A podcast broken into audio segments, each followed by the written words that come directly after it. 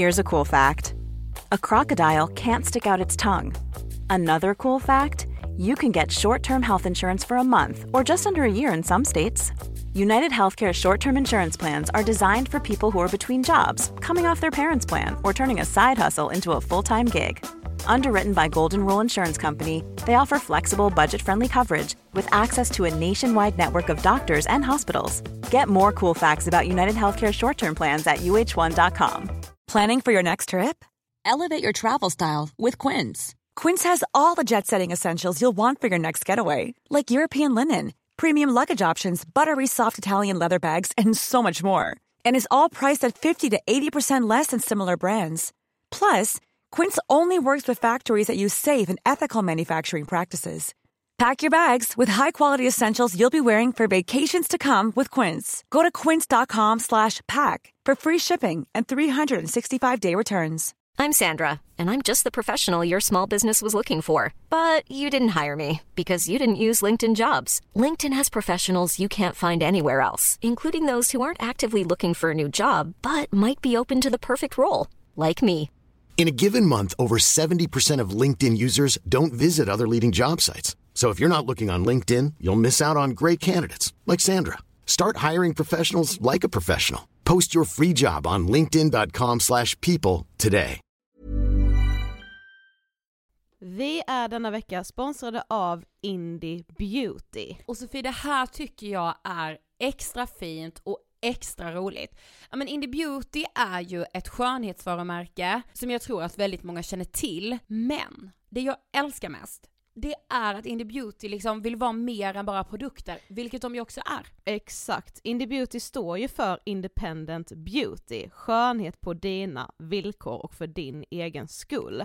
Och Indie Beauty tror ju stenhårt på ett alternativt skönhetsideal fritt från måsten, skam och känslor av otillräcklighet. Där är jag helt med Indie Beauty. Jag med. Det är så jag vill att skönhet ska vara. Ja men verkligen. Och vet du vad som är nytt för i år Sofie? Berätta. Från och med i år så skänker Indie Beauty 1% av sin försäljning till Suicide Zero, Tjejzonen och Djurens Rätt. Så när man handlar produkter från Indie Beauty så kan man liksom känna att man också ger tillbaka till samhället. Ja, kraften i tillsammans. Ska jag säga en sak nu då, mm. som jag, det, men det är detta jag är extra glad över.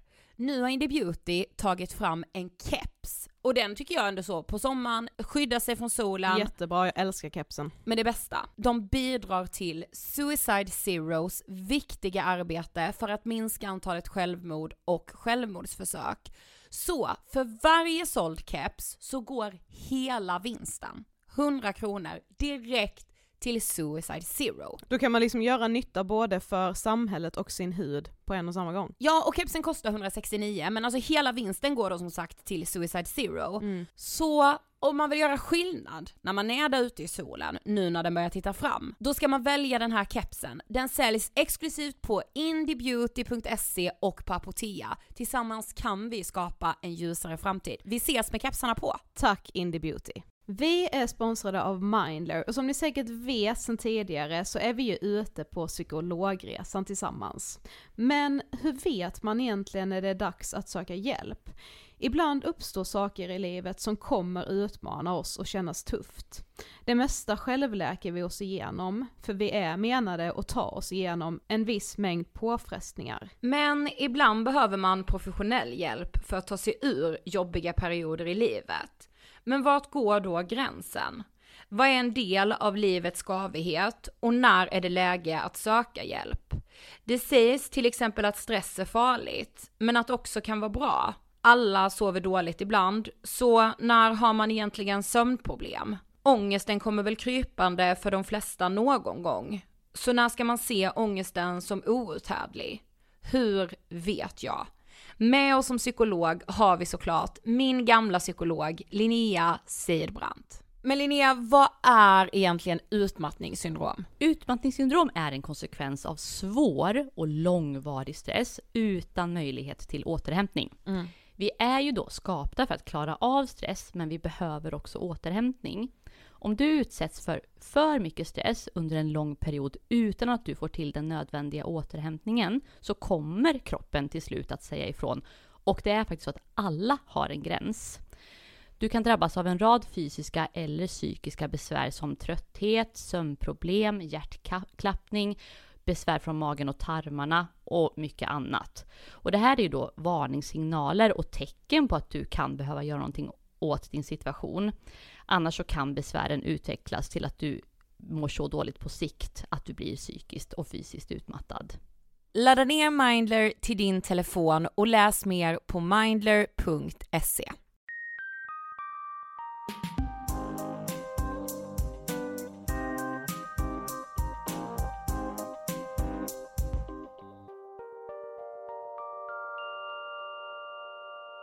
Hej allihopa och hjärtligt välkomna till avsnitt 61 av Ångestpodden! Hej! Alltså jag måste ta upp en grej. Ja. Vi hade ju ett eh, väldigt givande samtal med vår, eh, en av våra killkompisar i helgen. Ja. Eh, där vi typ började prata om, så om, om framtid liksom och vad det är man får ångest av egentligen. Mm. Och typ att man sitter och är så här. Man får typ ångest för att man är rädd att man ska vara ensam för resten av livet. Ja, alltså jag vet, eller så här, många, många har ju typ ångest över det. Mm. Alltså grejen är, jag kan inte till 100% skriva under på det, faktiskt. Jag kan inte så här, alltså jag, det går jag typ inte och så här tänker. Okej, jo det gör jag. Faktiskt. Men så sa han en så himla bra grej som jag bara tänkte på. Alltså det är så jävla sant. Så här, det hade ju varit bra om man är så skön som man framställer sig själv att vara. Och jag vet.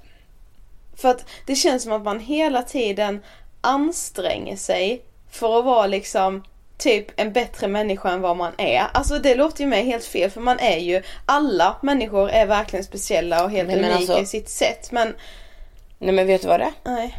Alltså alla framställer ju sig att vara mycket så här mer avslappnade än vad man egentligen är. Nej, men- Obrydd. Ja men obrydd, alltså det är helt sjukt. Vi har ju haft den diskussionen med våra tjejkompisar också. Och det är verkligen det säg att man börjar snacka med en kille. Nej men då håller man på mot honom som att man bara, ja men det är åtta andra killar som skriver likadant till mig. Ja, fastän man kanske blir så jätteglad av att han skriver. Men Ja, det skulle man inte säga. Jag säga. Nej. Då man, spelar ju verkligen cooling. Ja, Man bara, jaha, okej. Och inombords bara blir man typ så jätteglad. ja. Men man säger verkligen ingenting om det. Nej, nej, nej, nej. nej. För att man så här, man tror typ att han ska tycka om en mer om man är svår att få. Precis. Alltså jag fattar inte. Sen blev jag liksom påminn om det för några veckor sedan. Eh, för då var det någon som taggade oss i, eh, jag kommer inte ihåg om det var Twitter eller Instagram. Men då hade vi i alla fall i ett tidigare avsnitt sagt att nu är det raka rör som gäller. Tycker du att, vi- tycker du att vi har hållit de raka rören? Alltså verkligen inte. till, fram till någon vecka sedan. Ja, För då sa vi det, vi bara nej alltså det är slut nu, alltså vi kan inte hålla på liksom. nej. Inget Och spela alla, vadå grejen är jag kan dra sådana saker så långt, alltså jag kan börja ljuga och sånt. ja, Nej men, det ja men typ, alltså jag kan börja ljuga, jag bara ah, men det var ju som när jag var där, det var som när jag gjorde det. Och så sitter jag där med det sjukaste självföraktet när jag gör det, för jag bara mm, okej nu kommer coola Ida igen. Alltså du vet så här. okej inte ljuga, jag skulle inte bara ah men shit jag var ju i USA där 94. inte sånt, men alltså mer så här saker som jag har gjort överdriver touch. jag gärna lite. Och det är, så, alltså, det är så jävla oskönt. Ja, ja, och så sjukt onödigt. Ja. Ja, jag var bara tvungen att säga det för jag tyckte, jag, var, jag har fortsatt fundera på det så himla mycket för jag undrar varför man gör så. Ja men vi ska förs- nu ska vi försöka vara lika sköna som vi framställer oss att vara. Mm, ja, eller inte anstränga oss så jävla mycket för att vara Nej men eller precis, man ska inte framställa sig som så jävla obrydd Nej, hela tiden. precis. Precis. Ja. alltså det är så, man är ju inte så jäkla cool då. Nej. Om jag hade sett mig själv uppifrån, alltså jag hade fått riktig panik när jag försöker vara den här coola. Nej, alltså det hade inte jag kunnat se ens. Som bara, okej, gillar du mig? Okej, men vi hörs. Och inombords man bara, oh my god! Men man säger Ja. inte det. Nej. Ja, galet. Okej, raka rör. jag gillar det uttrycket. Ja, men. Det här avsnittet, alltså som ni har väntat. Ja, vi har fått så många frågor, vi har fått så många mejl, så många telefonsamtal. Nej okej inte riktigt, men nästan. Ja, alltså vi, har, vi har fått så mycket kommentarer. Bara När släpps avsnittet med? Therese Lindgren! Åh vad härligt det var att spela in med Therese. Ja, verkligen. Så underbar människa. Ja, det var typ- bara så här, hon var som en liten solstråle. Ja! Och det var typ ett, en månad sedan nu. Ja, typ. Ja det var när du fyllde år för Therese Just hade ju med sig här jättefin eh, låda, hon visste inte ens att du fyllde år. Nej. Mm. Man hade med sig den ändå. Nej men alltså jag kunde se mig själv så mycket i Therese, alltså, jag, alltså så här, i hennes berättelse. Mm. Och verkligen så här, jag bara, ja alltså vissa saker är verkligen tagna ur mitt liv och min panikångest. Framförallt. Mm. Och då förstår man ju hur många som faktiskt kommer kunna känna igen sig och kan känna igen sig. För jag menar om, om två personer möts så på ett och samma ställe som har typ exakt samma historia. Tänk dig hur många fler människor som känner exakt samma sak. Det kan inte bara vara en slump att det bara skulle vara ni två. Nej precis. Och sen tänkte jag verkligen på detta nu när vi har spelat in med Therese och liksom vi driver Ångestpodden och det är verkligen så här. Ångestpodden har 250 000 lyssnare. Therese har typ så här 300 000 prenumeranter på sin YouTube-kanal. Hon kan typ få en miljon views på sina videos på YouTube. Och det, det är så här. Tänk vad mycket sådana saker gör för att faktiskt bryta tabun kring psykisk ohälsa. Det var ju därför också som vi ville ha med Therese för att hon är, om ni inte redan har kollat in hennes YouTube-kanal som jag tror att många som lyssnar på det här avsnittet ändå har gjort. Men om ni inte har gjort det så tycker jag verkligen ni ska göra det för hon är också så himla ärlig med hur hon mår liksom. Har hon Ja. en skitdag då säger hon det i sin Ja. blogg. Är det typ som eh, nu. Hon är så här, hon har, så, hon har blivit nominerad i jättemånga kategorier i Finest Awards.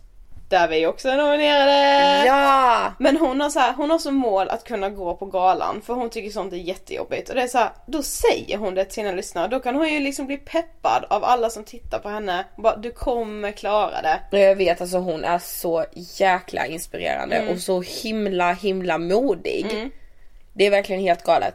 Ja men grejen är vi sa ju det innan vi träffade när vi bara, men alltså hon är typ redan vår bästis för vi kollar hennes videos varje dag. så vi precis. känner väl redan Jag är ju varandra. med henne och handlar på Ica liksom. Ja men så. Det var verkligen så. Ja. Okej, som vanligt så rullar vi intervjun med Therese Lindgren. Varsågoda.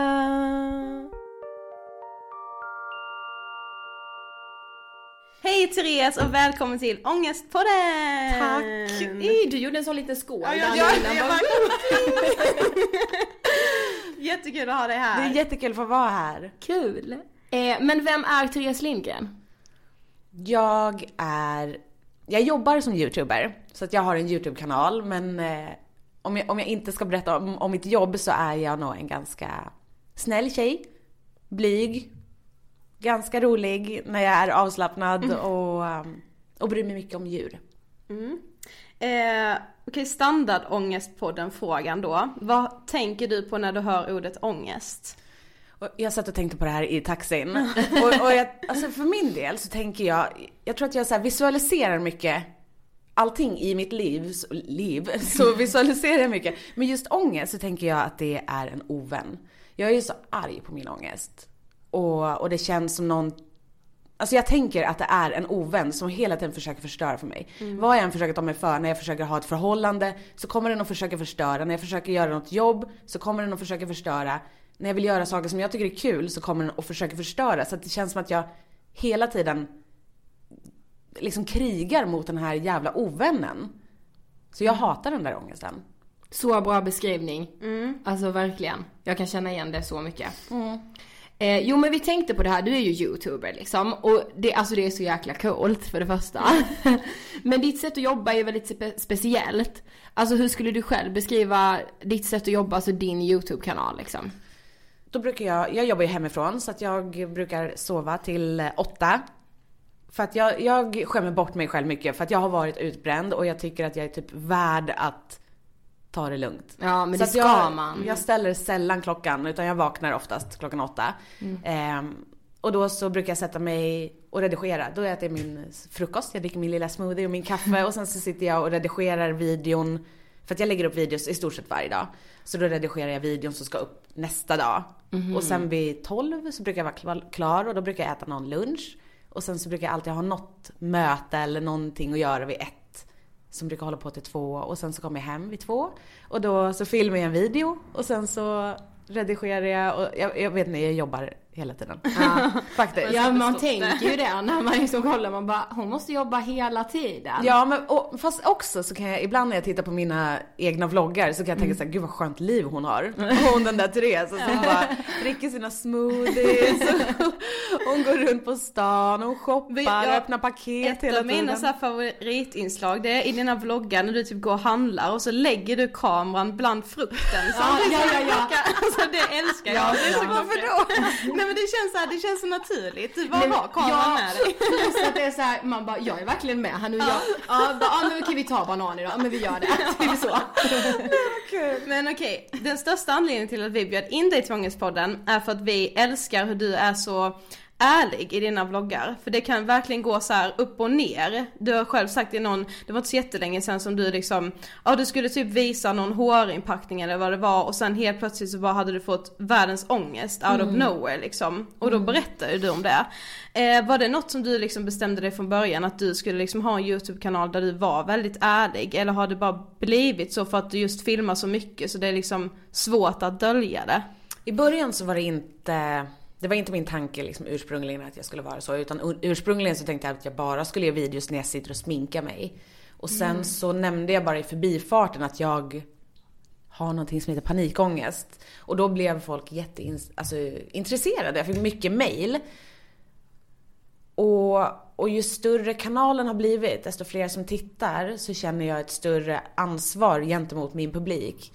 Eh, ett ansvar att vara en bra förebild. Och i det, att vara en bra förebild, så tycker jag att jag har en bra möjlighet att prata om psykisk ohälsa. För att det är någonting som påverkar mitt liv hela tiden. Eh, och jag kan sprida awareness, liksom, kunskap och, och uppmärksamma det. Ja det är så bra att du liksom utnyttjar att du har blivit så stor för du det är ju som sagt en så himla stor kanal och ett så bra sätt att sprida liksom mer kunskap. Och det är liksom inte så här man behöver inte bara liksom pumpa ut med information men just att du bara sitter och är så ärlig med hur du känner så hjälper det så många för att det är så många som gud, kan ja. känna igen sig i det. Det märker ju vi också. Så fort man liksom har ett ställe där man kan relatera så känns det liksom lite tryggare för en själv. Mm. Ja, men, och så fungerar ju jag också. Alltså, jag kollar ju mycket på sådana youtubers och jag lyssnar på Ångestpodden och jag lyssnar på, eller tittar på TV, alltså för att relatera. Ja, det är ju verkligen så. Men ja, precis som du sa så har ju du haft eh, panikångest, precis som jag har haft. Eh, men hur började det för dig? Det började med att jag blev utbränd. Så att jag jobbade mycket och, och fick... Jag visste ju inte vad panikångest var. Det här var... Nu är jag 28, jag fyller 29 snart. Eh, och jag tror att min första panikångestattack fick jag när jag var 17 egentligen. Men sen, Oj, sen så dröjde det ett par år innan det kom igen och det började bli ett problem när jag var typ 22. Eh, och då så kom det i samband med att jag jobbade för mycket. Och jag visste inte vad det var utan jag bara blev så här svettig och började skaka och fick in, inte luft och, och fick panik. Och sen så kom det oftare och oftare. Och så började jag undvika de platserna som jag fick de här konstiga attackerna på, vad det nu var liksom. Eh, Men jag är ju fortfarande mitt i det. Mm. Men hur eh, har det förändrats hur en panikångestattack uttryckte sig från när du var 17 till hur det uttrycker sig idag? Hur Förut så kom den bara sådär pang. Alltså, då var det oftast att jag stod på och hade, jag jobbade som säljare så jag stod och hade möten och dragningar liksom. Och så stod jag på ett möte och helt plötsligt så bara känner jag att jag får sån fruktansvärd hjärtklappning. Alltså att det gick från, från 0 till 100 på en sekund eller en minut i alla fall. Idag så är det inte så. Alltså jag får jättesällan panikattacker nu. Alltså en gång varannan månad kanske. Eh, men däremot så, så för mig är det värsta att jag, jag är så rädd inför dem. Alltså förväntansångesten, att jag går runt i veckor och kan vara orolig inför saker. Så att jag, jag får faktiskt inte panikattackerna så ofta utan mer så här förväntansångesten. Men vad är ditt största problem, alltså när du väl fick panikattacker? Alltså var det så här, ja men hjärtklappning, svettningar? Alltså där har du fått så här overklighetskänslor och så också? Ja, jag har fått overklighetskänslor också men de största problemen har varit eh, hjärt, alltså att hjärtklappning, andning och att jag börjar svettas jätte, jättemycket. Ja. Och sen så får jag jätteproblem med magen. Alltså att jag bara måste gå på toaletten och ja. Och sen mycket så här, jag blir yr, det känns som jag ska svimma och det blir svart för ögonen. Och det blir så jävla obehagligt. Ja. Ja, man tror ju verkligen att man ska dö liksom. Ja. Eh, men var det några speciella situationer som var extra jobbiga? Alltså när du började märka så här, okej i de här situationerna så kommer ju de här svettningarna. Eh, Ja, varje gång som det var någonting som involverade en prestation, typ när jag skulle stå och hålla i ett möte. Eller om jag skulle gå på en dejt till exempel och jag bara kände nu måste jag vara så snygg och jag måste vara så rolig och jag måste vara så intressant och jag måste... Det är så här, varje gång som det var, jag, jag satte krav på mig själv. Mm, precis. Så det var de tillfällena. mm. Exakt samma för mig verkligen. Alltså, Ja, exakt. Verkligen det här med att, ja men shit jag ska på middag nu. Jag kunde exempelvis inte sitta på en middag när jag liksom Nej. hade det som värst. Och då var det ju verkligen det här, ja men alla måste tycka att jag är så härlig och det går så bra för mig och ja jag måste se bra ut samtidigt. precis. Och, Men, och precis där är ju jag. Jag går ju inte på middagar nu. Nej.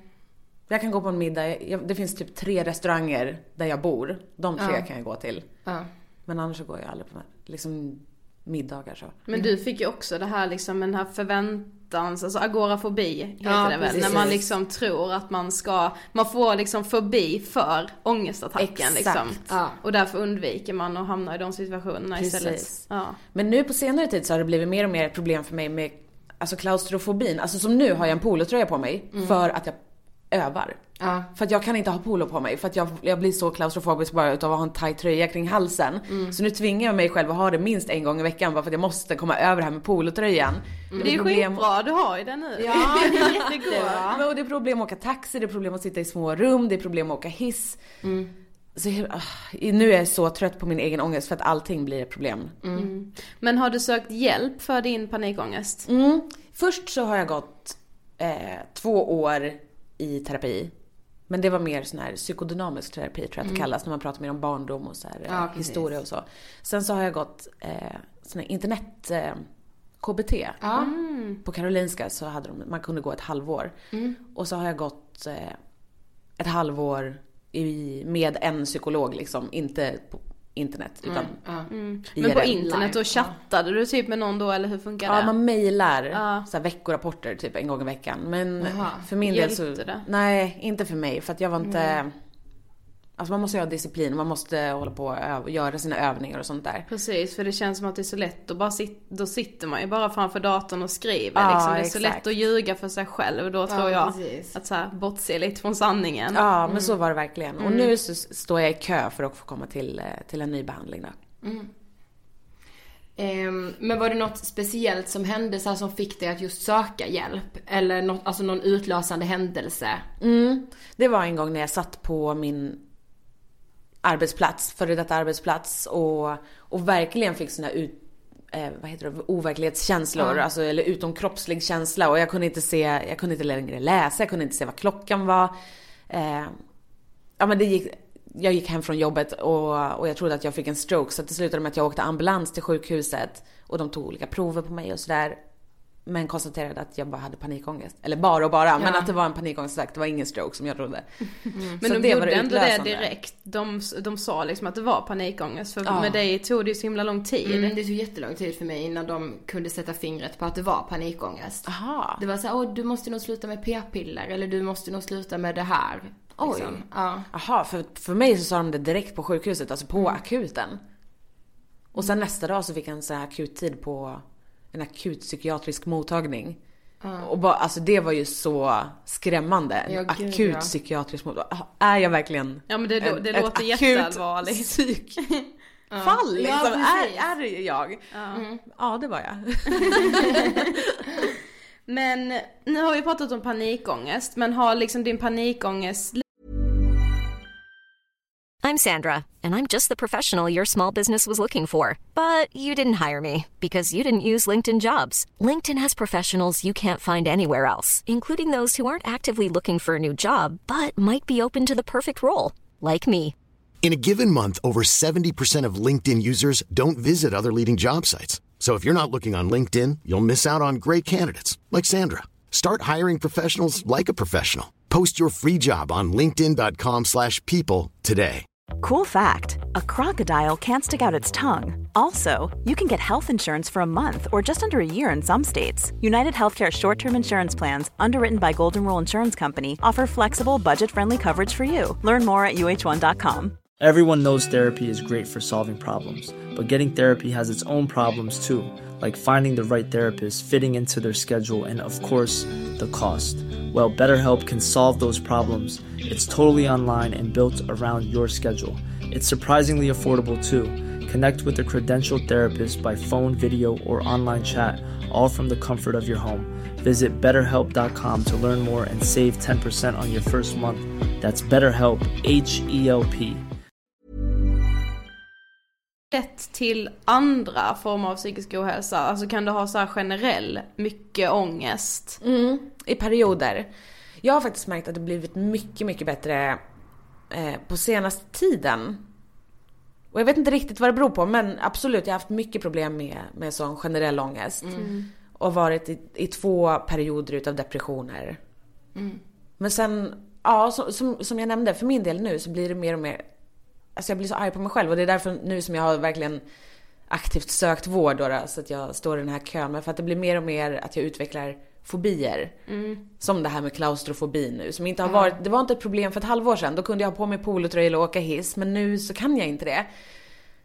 Och sociala fobin blir också värre. Alltså för ett år sedan så kunde jag göra mer saker än, än, än jag kan idag. Så att jag, ja, jag är verkligen mitt uppe i det. Ja. Ja, för det där är ganska intressant för jag märker nu när jag ändå har blivit av med min panikångest, jag får inte panikattacker eller så, men jag har blivit så hypokondrisk. Typ sen jag slutade i KBT, det är helt galet. Har du? Ja, det är helt galet. Jag känner det själv. Jag blir liksom rädd för mig själv nästan. För jag bara, alltså hur kan jag måla upp de här scenarierna liksom? Okej, jag har lite ont i armen. Nej, det betyder inte att jag har cancer. Men jag så här, alltså det går så fort och sen så helt plötsligt så jag bara, nej jag måste till sjukhuset imorgon för jag är dödssjuk liksom. Var kommer det ifrån då? Ingen aning. Och det är intressant att du ser med att så här, bara men för ett halvår sedan så kunde du ha polo på dig och inte det här klaustrofobiska men det har kommit nu. Så jag, jag kopplar ihop det med att ja, mitt, liksom min hypokondri har verkligen med kommit efter min panikångest och sådär. Det, det är jobbigt. Ja. Men hur har du det med prestationsångest då? Du laddar liksom ändå upp väldigt mycket videos på YouTube och du har liksom över 300 000 prenumeranter just nu på din YouTube-kanal som kollar på alla dina videos. Får du liksom, kan du liksom få prestationsångest inför det? Jag tror att för mig så anledningen till varför jag lägger upp så mycket videos som jag gör, för att det hade egentligen räckt med att jag lägger upp en gång i veckan som de flesta andra youtubers gör. Men jag, för mig så funkar det typ ångestlindrande. Alltså att jag uppehåller mig själv. Tidigare i mitt liv så har jag druckit mycket alkohol. För att det har funkat ångestdämpande. För att då har jag inte tänkt och det har blivit enklare. Men nu har jag liksom hittat ett substitut i alkoholen som är mycket, mycket bättre och det är att jobba en del. Eh, För att då, ja men jag uppehåller mig själv liksom och jag ligger inte och tänker. Men det är därför jag tror att du har fått så liksom bra så här, gensvar på alla dina videos där du liksom typ berättar om din panikångest eller som när du har de här tjejsnack-videosen. Ja, För att ja. det är, man känner verkligen hur genuint ärligt det är och det var lite därför jag ville ställa frågan för det känns liksom som att det hjälper dig i din ångest att liksom få prata om det och liksom dela med dig. Det känns verkligen som att det är någonting som liksom lindras. Ja. Men det gör det verkligen. För att innan jag startade min YouTube-kanal så pratade jag aldrig om min ångest eller panikångest eller, något sånt. För att det är ju tabu, tab, tabulagt. Och, eh, och jag har alltid försökt vara så här perfekt tjej, ni vet, och försökt hålla upp en perfekt fasad.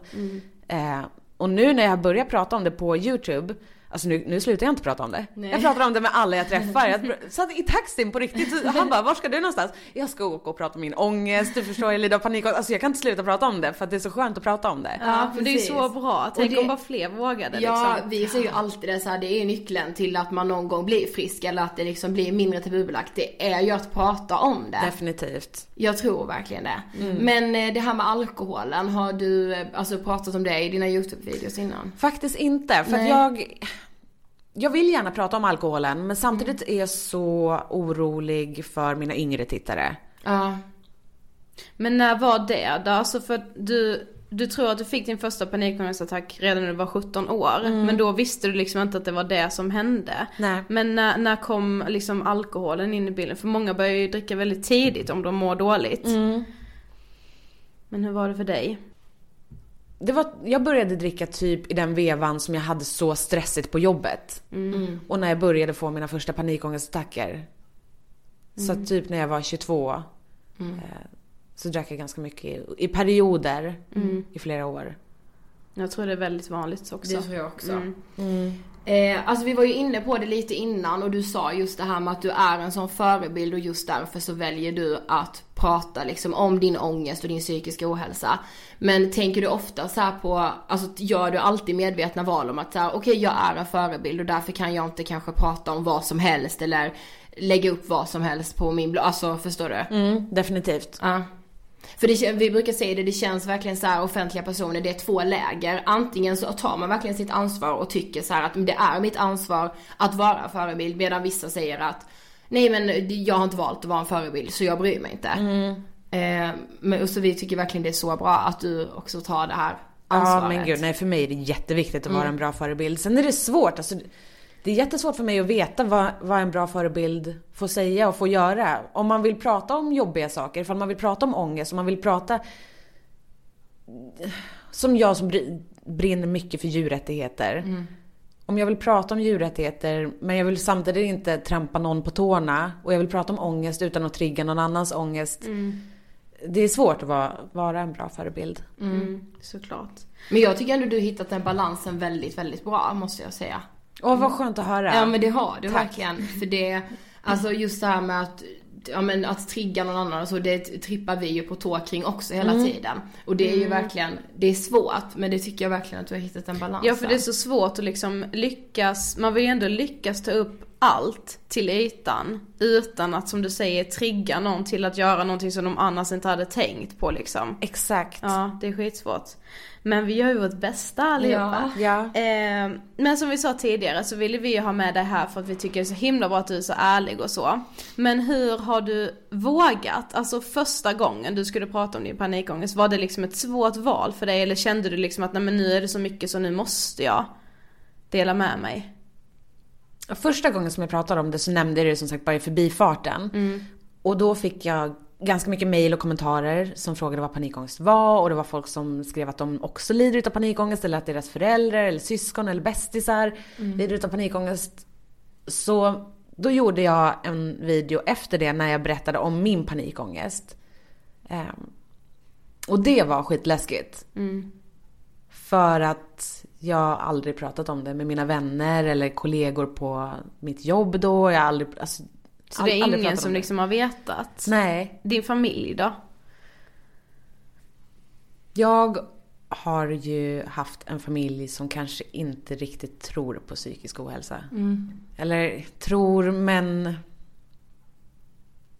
Jag vet inte. Det, Men det är nog också ganska vanligt för det stöter vi på ofta. Alltså det är liksom, man har inom familjen kanske en jargong om att det är så ja ah, men ryck upp dig eller så här, känn inte efter så mycket. exakt. Ja. Eh, och då blir det ju, det är ju verkligen problem för det blir ju jätteproblematiskt när någon då helt plötsligt lider av psykisk ohälsa och man hela tiden har inprintat att nej men jag måste rycka upp mig nu. Men hur fan gör jag det när det inte går liksom? Ja men speciellt att som ung känna verkligen att bara, nej men alltså jag kan inte rycka upp mig. Men ändå Ja. säger liksom ens, ens närmaste omgivning att ja men det är bara att göra det. Då måste man ju själv känna att bara, nej men alltså jag måste ju vara helt sjuk i huvudet för Ja. jag kan inte rycka upp mig. Ja. Vad är det för fel på mig liksom? När det egentligen är så himla vanligt. Ja. Men fick du mycket reaktioner, alltså så här från typ vänner och så som hörde av sig när du hade lagt upp den första videon?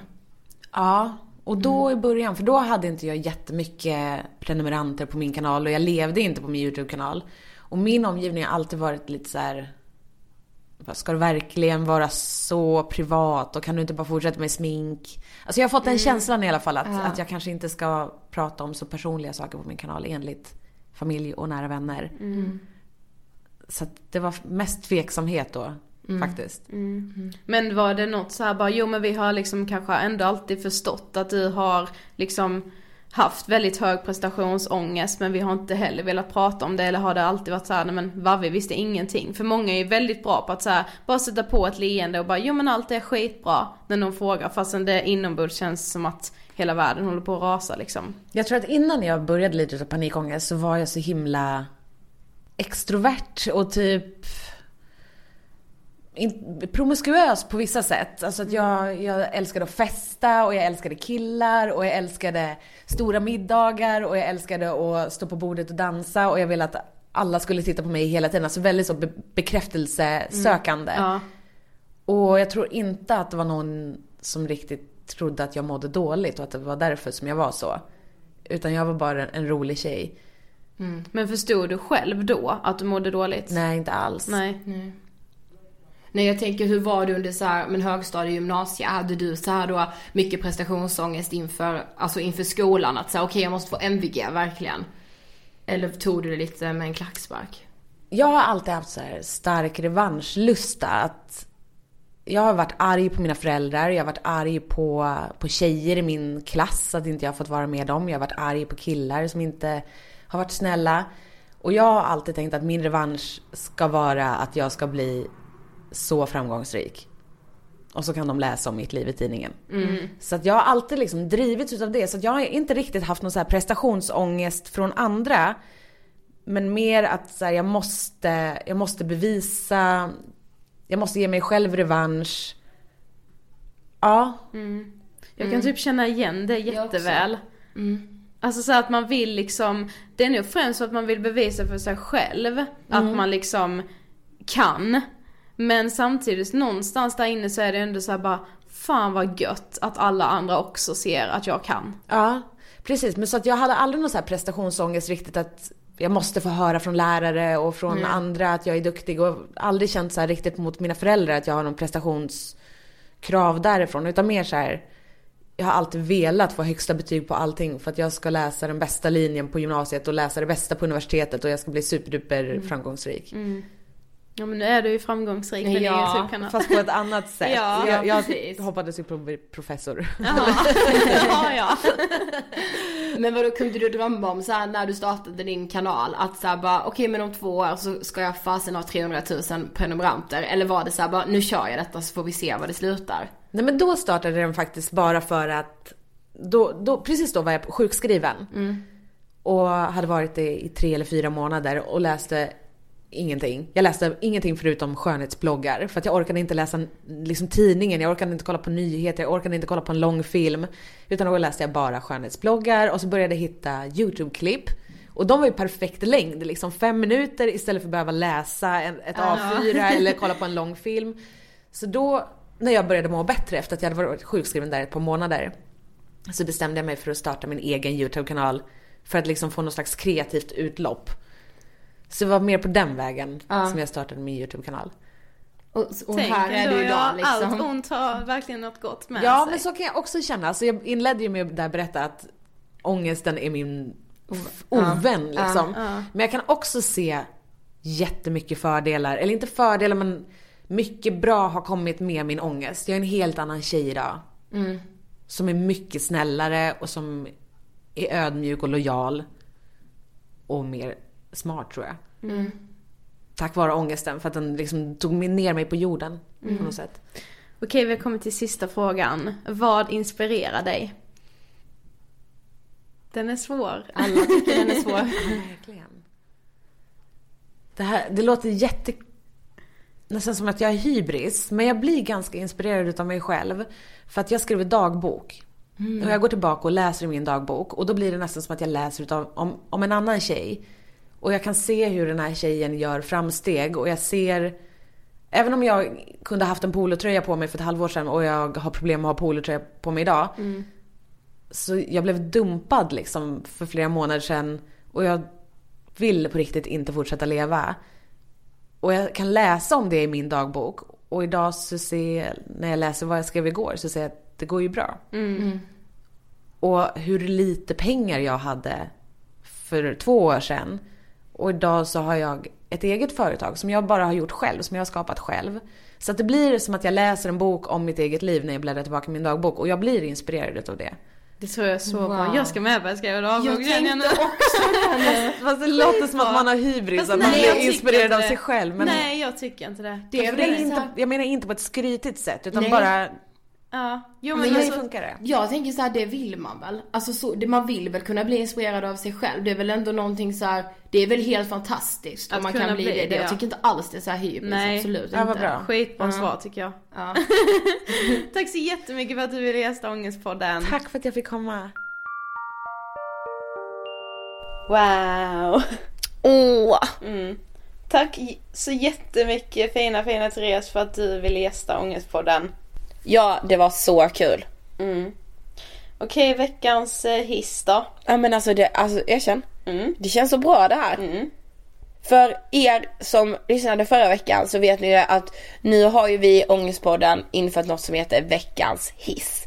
Där vi vill hissa vad som helst som vi tycker är jäkligt bra. Mm. Och som borde uppmärksammas. Ja, ja precis. Det kanske redan är skituppmärksammat men vi kanske vill hissa det ändå. Men Eh, Okej, då börjar jag. Eh, denna veckan vill jag hissa organisationen Udda. Och de har vi ju nämnt jättemånga gånger tidigare i podden. Men jag känner att jag vill göra det igen. För att de söker ständigt nya volontärer. Och det är en så himla bra organisation. Och jag vet vi har liksom bekanta som har sökt dit både som uddis och som kuddis. Och jag vet att det liksom verkligen gör skillnad. Och som kuddis så är du en kontaktperson kan man säga. Alltså du får en uddis som kanske inte mår så bra just nu och som du hjälper. Ja, som du typ chattar med, mailar med, kanske träffar. Alltså ni bestämmer helt själva. Det är bara efter era egna eh, förutsättningar. Så gå in på udda.org och läs mer där. Och bli en kuddis eller en uddis. Okej. Eh, det var en jättefin hiss tycker jag. Jag ska hissa en låt den här veckan. Och alltså jag tror att den släpptes förra veckan. Jag är inte helt säker men jag tror det. Nej men jag har lyssnat 450 gånger. Jag skojar inte alltså. Kärleksbrev med hovet. Ja men alltså den är så jäkla bra.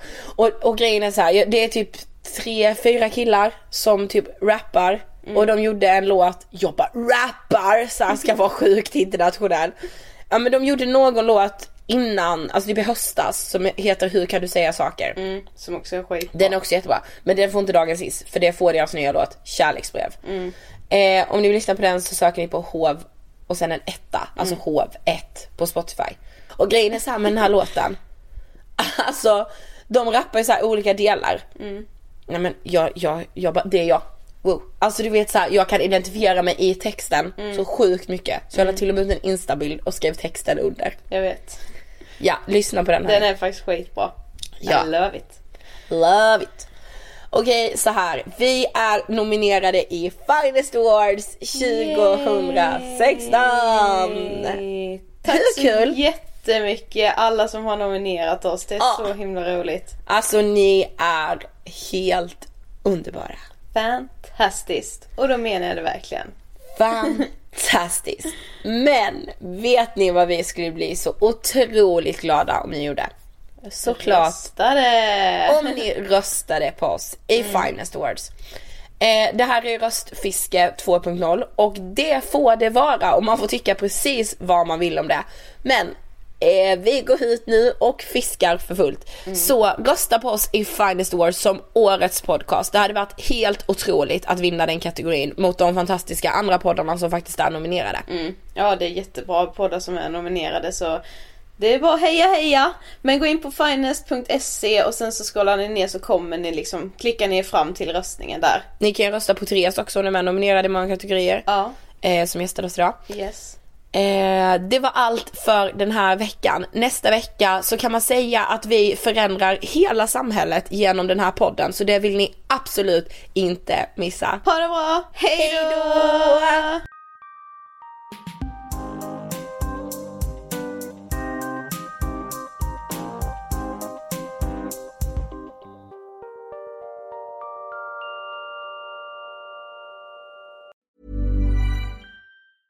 Planning for your next trip? Elevate your travel style with Quince. Quince has all the jet setting essentials you'll want for your next getaway, like European linen, premium luggage options, buttery soft Italian leather bags, and so much more. And is all priced at 50 to 80% less than similar brands. Plus, Quince only works with factories that use safe and ethical manufacturing practices.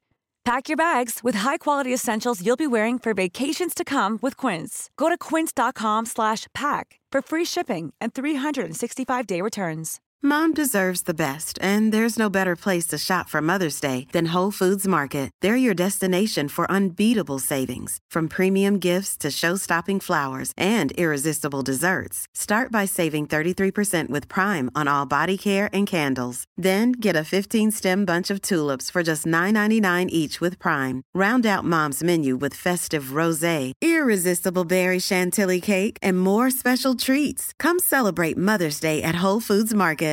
Imagine the softest sheets you've ever felt. Now imagine them getting even softer over time. That's what you'll feel with Bowl and Branch's organic cotton sheets. In a recent customer survey, 96% replied that Bowl and Branch sheets get softer with every wash. Start getting your best night's sleep in these sheets that get softer and softer for years to come. Try their sheets with a 30-night guarantee. Plus, get 15% off your first order at bowlandbranch.com. Code BUTTERY. Exclusions apply. See site for details.